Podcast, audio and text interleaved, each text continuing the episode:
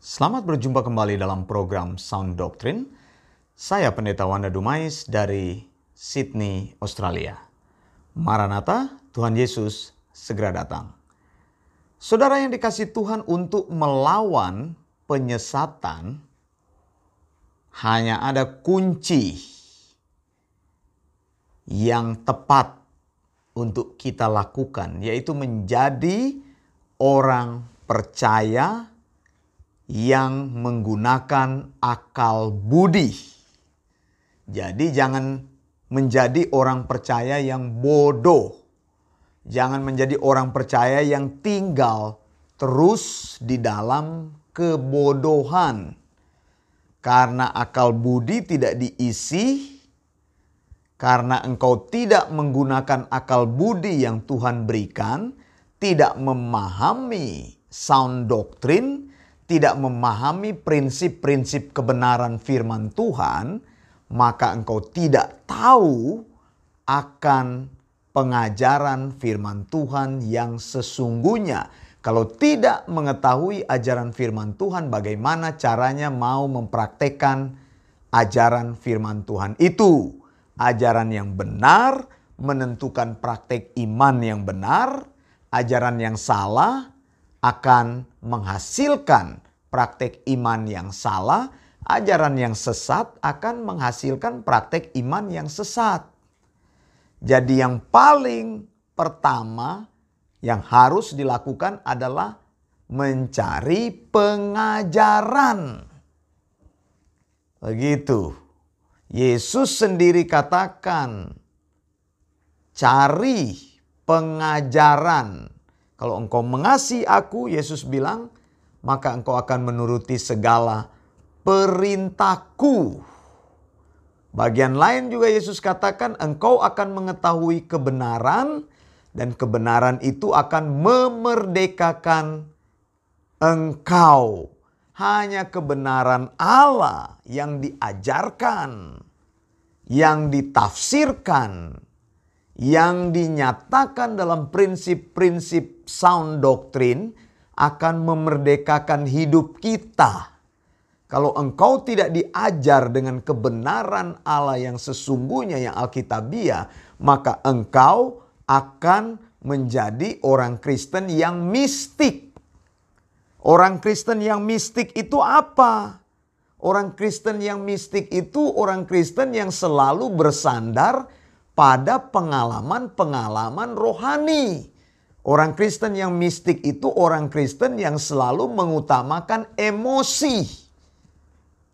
Tidak peduli firman Tuhan berkata apa, yang penting saya mempraktekkan ajarannya. Begitu. Jadi cuma mau melakukan aja, praktek aja. Padahal Tuhan Yesus sudah katakan hati-hati.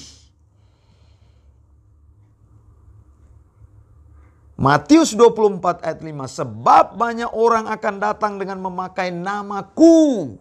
Dan berkata akulah Mesias dan mereka akan menyesatkan banyak sekali orang. Banyak orang akan tersesat. Karena mereka katakan akulah Mesias. Bayangin hanya dengan perkataan seperti itu saja. Orang bisa tertarik. Sebenarnya bukan intinya di situ. Tetapi penyesatannya sudah terjadi sejak awal. Paulus bilang eksapatau itu disesatkan itu adalah dirayu, dimenangkan hatinya. Ya, dibujuk diiming-imingi dengan sesuatu sampai akhirnya terjerat dan tidak bisa dilepaskan lagi dari ajaran itu. Nah, saudara, hati-hati. Tanda-tanda kedatangan Yesus itu. Yesus sendiri peringatkan waspada supaya kamu jangan tersesat. Ini peringatan Yesus kepada muridnya. Bayangin saudara. Bayangin baca ini Matius 24 ayat 3 sampai 5. Ketika Yesus duduk di atas bukit Zaitun datanglah murid-muridnya kepadanya untuk bercakap-cakap sendirian dengan dia. Maksudnya ini percakapan yang eksklusif antara Yesus dan rasul-rasulnya.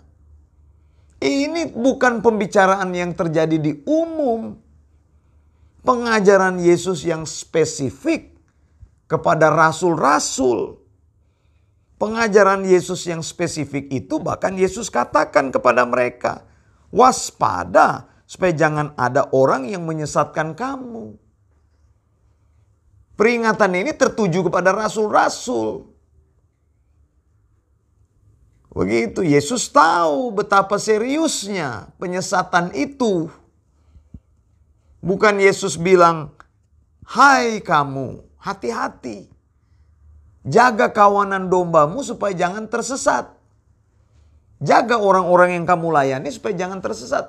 Yesus memperingatkan rasul-rasul supaya mereka jangan tersesat, waspada supaya jangan ada orang yang menyesatkan kamu. Bisa saja tersesat kalau Tuhan tidak memperingatkan. Begitu. Karena kan sudah ada kasusnya. Sudah ada Yudas.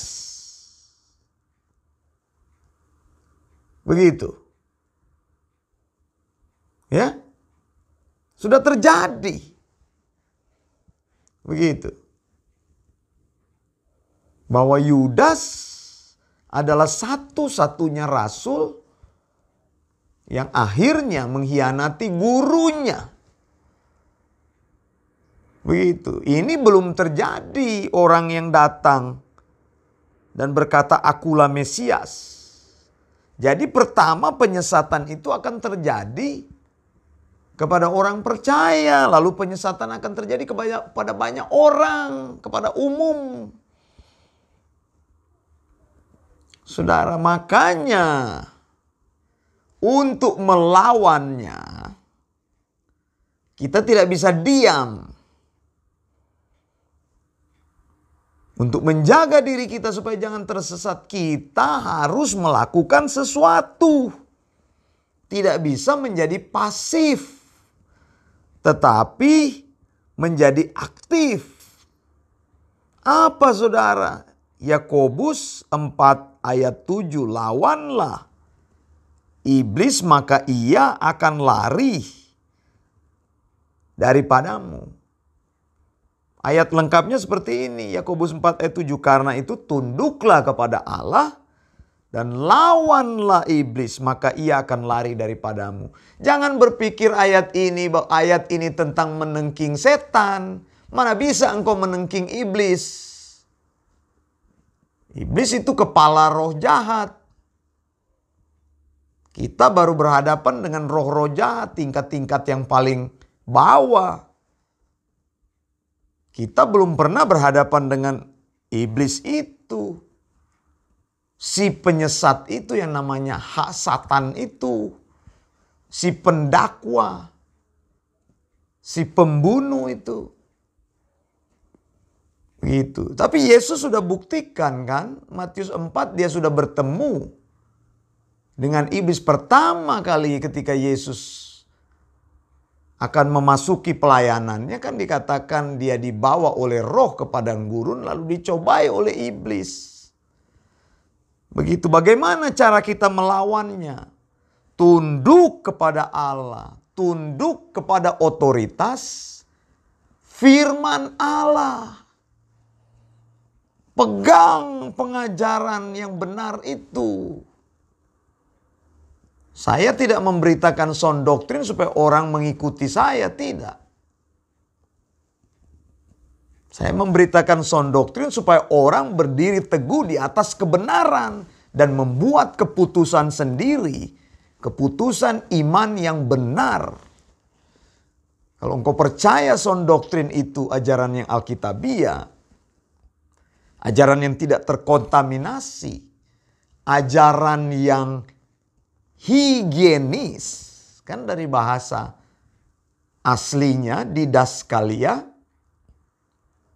hygienose, higienis. Bersih.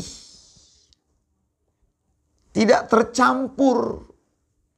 Bukan ajaran ECGC ini. Sudah ada di kepala. Lalu cari-cari ayatnya. Ini banyak makanya hamba Tuhan banyak yang tidak bisa mengajarkan firman Tuhan. Ada banyak sebabnya karena mereka malas, karena mereka tidak pernah sekolah, karena mereka sekolah tapi tidak sekolah di tempat yang benar. Tidak tahu melakukan ortotomeo itu yang saya sudah sampaikan. Mengiris-ngiris firman Tuhan dengan tepat. Memotong-motong firman Tuhan seperti tindakan operasi. Begitu. Saya sudah pernah sampaikan kan pengajaran ini. Bahwa tugas hamba Tuhan itu menghasilkan hermeneutik yang baik lalu mengajarkan kepada jemaat. Bukan tugas hamba Tuhan, bukan khotbah sana sini supaya dapat amplop, bukan. Bukan tugas hamba Tuhan, bukan mengumpulkan jemaat, bukan tugas hamba Tuhan, bukan bukan menjual visi. Ya menggunakan manusia untuk visinya supaya namanya dibesarkan bukan. Tugas hamba Tuhan itu mengajarkan sound doktrin supaya jemaat paham ketika mereka paham mereka juga akan memuridkan orang lain meneruskan sound doktrin gitu saudara Hati-hati saudara, ajaran yang menyesatkan itu manis dan lembut. Seperti racun yang dibuat permen yang manis. Kita tidak tahu isinya yang mematikan itu. Karena kemasannya menarik. Yesus sendiri katakan, di akhir zaman ini orang akan bernubuat, banyak orang akan datang di situ. Bukannya mencari firman Tuhan, mereka cari nubuat. Itu saya sudah bilang Alkitab sudah lengkap. Cari firman Tuhan bukan cari nubuat, tapi yang disenangi orang yang nubuat. Orang bicara satu jam isinya nggak ada, cuma dirinya sendiri yang bicara ini. Saya mendapatkan sesuatu dari Tuhan. Ini, ini, ini, ini. Itu yang disenangi orang. Mistik-mistik begitu. Ngeroh-ngeroh. Matius 7 kan? 22 sampai 23. Mengusir setan. Ini yang disenangi orang. Mengusir setan tengking Wah, injak iblis dengan kuasanya. Mana ada iblis diinjak dengan kakimu? Nggak bisa. Firman Tuhan mengajarkan Yakobus 4 ayat 7 mengajarkan tunduk kepada Allah lawan iblis. Dia akan lari bukan menginjak. Kalau engkau tidak pernah melawan iblis, iblis itu tidak akan pernah lari. Cara melawannya apa? Cara melawannya dengan firman Allah. Yesus sudah pernah menunjukkan di dalam Matius 4. Ketika dia dicobai, nanti saya akan ajarkan hal itu kapan-kapan. Saya sudah tulis mengenai pengajaran itu. Bagaimana iblis datang kepada Yesus ketika Yesus sudah berpuasa 40 hari 40 malam, dia lapar.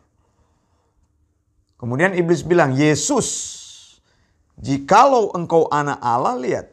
Iblis tahu Yesus anak Allah. Dia pakai kata, jikalau engkau anak Allah, perintahkan batu-batu itu menjadi roti. Engkau tahu nggak batu yang disuruh iblis itu supaya Yesus ubah menjadi roti. Itu bukan batu biasa. Itu namanya rock melon. Jadi batu bukan rock melon yang buah itu bukan ya. di Australia ada ada rock melon. Apa itu? Melon yang kayak batu bukan. Tapi ini batu yang berbentuk seperti buah melon. Besar-besar gitu batunya. Begitu. Nah, saudara tahu kalau orang di dalam keadaan lelah dan lapar di satu tempat yang jauh sekali terpencil dan tidak ada sumber makanan, orang bisa berhalusinasi. Contoh kalau seseorang berjalan di padang gurun sudah lama cari air. Biasa kan orang bilang itu oasis itu. Gitu. Orang itu akan terpengaruh itu seperti dia melihat air padahal bukan. Begitu. Nah, iblis tahu Yesus betul-betul dalam keadaan lapar waktu itu. Di situ ada batu-batu besar yang bentuknya itu seperti roti. Begitu, bukan batu biasa. Jadi dia bilang, "Kamu kan anak Allah, kamu Allah. Kenapa kamu biarkan dirimu susah? Gunakan kekuatanmu, ubah batu itu menjadi roti." Iblis benar nggak? Salah nggak dia ngomong begitu? Iblis sedang berbicara hal yang fakta yang nyata. Ya betul, dia tidak berdusta ketika dia ngomong itu. Tapi kan itu adalah cobaan yang Yesus tahu pencobaan, maka Yesus bilang, ada tertulis, lihat. Cara melawan penyesatan itu kembali lagi kepada grafe Firman Tuhan tertulis logos. 2 Timotius 3 ayat 16 berkata apa? Pasa grafe theopenustos kai opelimos dan sebagainya.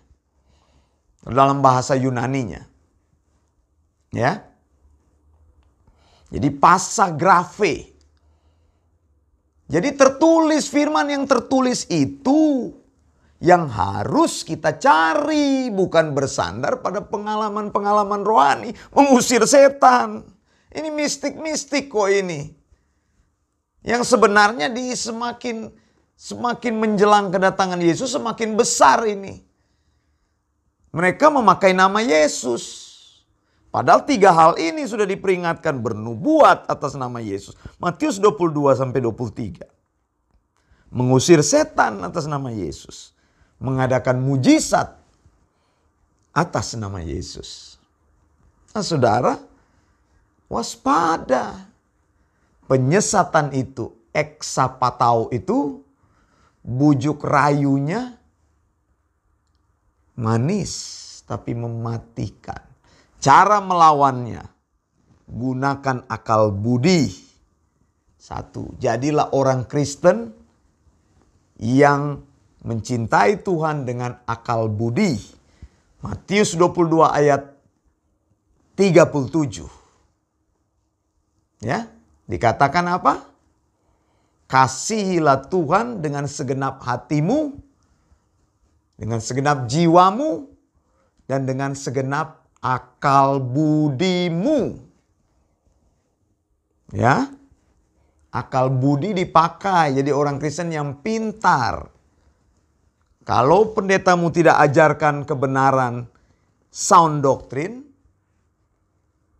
kalau dia mengajar sound doktrin yang salah, mengajar firman Tuhan yang salah yang tidak sound doktrin maksud saya, kalau di gerejamu engkau tidak mendapat apa-apa sudah lama di situ, tidak bertumbuh, tidak mengenal prinsip kebenaran, tidak tahu apa itu sound doktrin, keluar dari situ. Jangan habiskan hidupmu di situ buat apa? Itu gereja itu tidak bersifat kekal. Denominasinya tidak bersifat kekal. Engkau adalah gereja itu. Cari son doktrin. Nanti saya ajarkan engkau bagaimana engkau bisa menjadi jemaat son doktrin. Engkau bisa mengajar son doktrin kepada orang lain. Dua tiga orang berkumpul dalam nama Yesus yang percaya son doktrin, yaitu sudah berbentuk gereja. Jadi jangan ditekan oleh situasi sekitar. Jangan ditekan oleh komunitasmu. Jangan ditekan oleh apa? tekanan-tekanan orang banyak. Begitu. Tapi setialah pada Tuhan, cintailah kebenaran Tuhan. Jadilah orang Kristen yang menggunakan akal budi. Tafsirkan kebenaran firman Tuhan. Hasilkan eksegesis yang baik. Keluarkan sound doktrin. Dari sound doktrin engkau bisa mempraktekkan praktek beriman yang benar. Saya Pendeta Wanda Dumais dari Sydney, Australia. Maranatha, Tuhan Yesus segera datang. Blessings.